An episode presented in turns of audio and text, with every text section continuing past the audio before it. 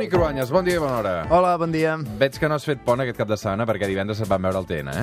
Estem treballant el cap de setmana. Sí, sí, a l'espera que caigui alguna cosa per Nadal, no? Home, sí, per Nadal. Mira, jo per Nadal no hi seré, hi haurà el Joan Bot aquí, però tu sí que hi seràs, eh? Jo hi seré, hi seré. Molt bé. Uh, fa més d'una setmana, Toni Cruanyes, que Jordi Sánchez i Jordi Turull van anunciar això.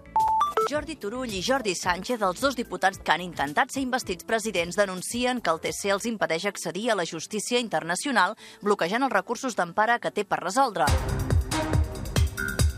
Aquesta és la vaga de fam a la qual aquests últims dies també s'han sumat dos presos més, Josep Rull i Joaquim Forn, en total ja són quatre.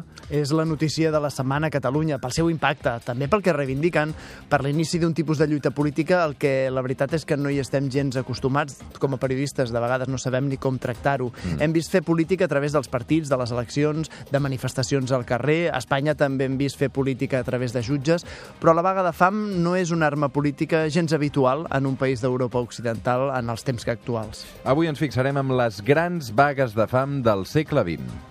There is an indefinable, mysterious power that pervades everything. I feel it, though I do not see it. It is this unseen power which makes itself felt. Aquesta que sentíem és la veu de Gandhi, oi? Mahatma Gandhi és la referència obligada. És el pare de la independència de l'Índia. Recordem que avui l'Índia és el segon país amb més població del món. Estem parlant de 1.300 milions de persones, que fa un segle, eh, encara no, era una colònia britànica, i els britànics avui són 65 milions de persones. Ho dic perquè s'entengui, eh? és a dir, 65 mm. dominant un país de 1.300 milions de persones. I clar, la manera de fer-ho era per la seva potència industrial, tecnològica, per la força militar britànica.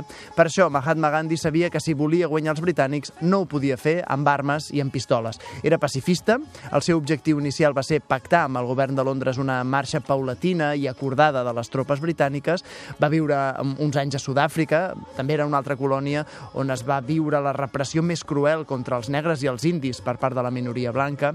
A l'Índia, Gandhi va aconseguir l'atenció dels mitjans de comunicació d'arreu del món amb les seves campanyes, vagues de fam i missatges pacífics, però en canvi, al març del 1930 va enviar una carta al virrei britànic anunciant-li una campanya de desobediència civil davant la falta de diàleg, però no va rebre cap resposta. Així que Gandhi va començar pel seu compte el que en podríem dir una guerra de propaganda.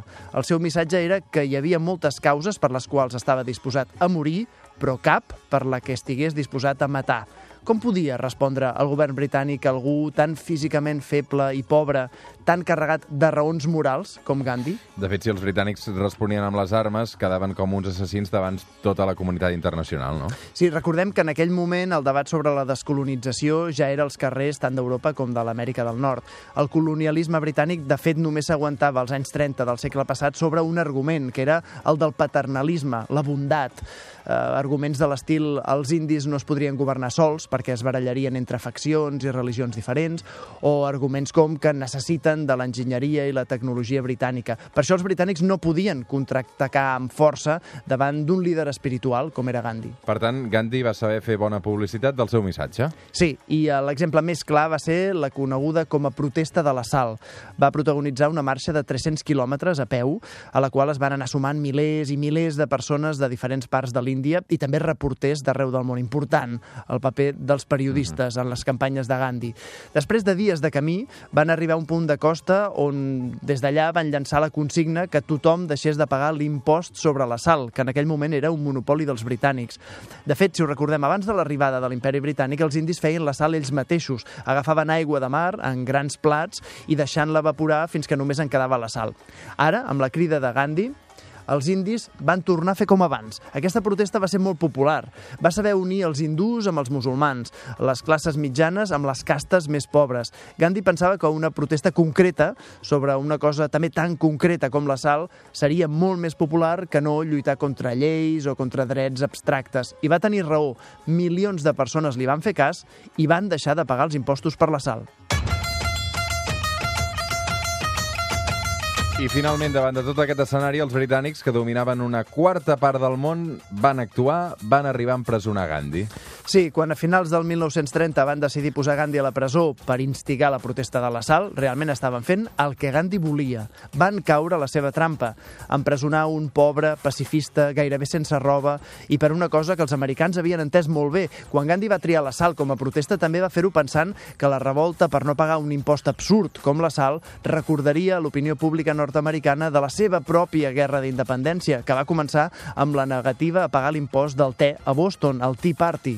Gandhi la va encertar, va guanyar-se el suport i les simpaties dels països occidentals, mentre els britànics, aquell 1930, van arribar a posar fins a 60.000 persones a la presó per protestes i manifestacions als carrers de l'Índia. Les imatges de soldats britànics apallissant i pagant manifestants pacífics van donar la volta al món. Amb aquelles imatges i el suport també d'una part important de l'opinió pública britànica que no va entendre que els seus soldats actuessin violentament, al final Gandhi va acabar guanyant la llibertat i la independència de l'Índia, finalment el 1947. A costa, això sí, de fer fins a 17 vagues de fam al llarg de la seva vida, sempre totes amb finalitat política. Era un dels seus mètodes de lluita no violenta. Ell posava en escac les autoritats britàniques quan el posaven a la presó. Pensava que la reputació dels britànics no podria resistir que ell morís sota la seva custòdia. Així van ser els anomenats dejunis penitenciaris, que van anar des d'una setmana fins a 24 dies. En una ocasió va arribar a pesar tan poc com 39 quilos. Les vagues de fam contra els britànics, sumades a la seva intel·ligent guerra de propaganda, van acabar amb un èxit. Però amb l'Índia ja independent, Gandhi va tornar a fer una última vaga de fam. Va ser el gener del 1948. L'objectiu era aconseguir la unió entre hinduistes i musulmans. La veritat és que no li van fer cas. 12 dies després d'aquesta última vaga de fam, Gandhi va morir assassinat per un radical hinduista, contrari a l'entesa amb el Pakistan. Gandhi hauria volgut que l'Índia colonial s'hagués independitzat unida i no en dos, com van resultar amb la partició en estats diferenciats per majories religioses. Així que podem dir que els mètodes de Gandhi, el pacifisme, les vagues de fam, van seduir l'opinió pública occidental del seu moment, però no van aconseguir trencar les barreres religioses del seu país. Encara avui, de fet, l'Índia i el Pakistan es mantenen en peu de guerra. Traces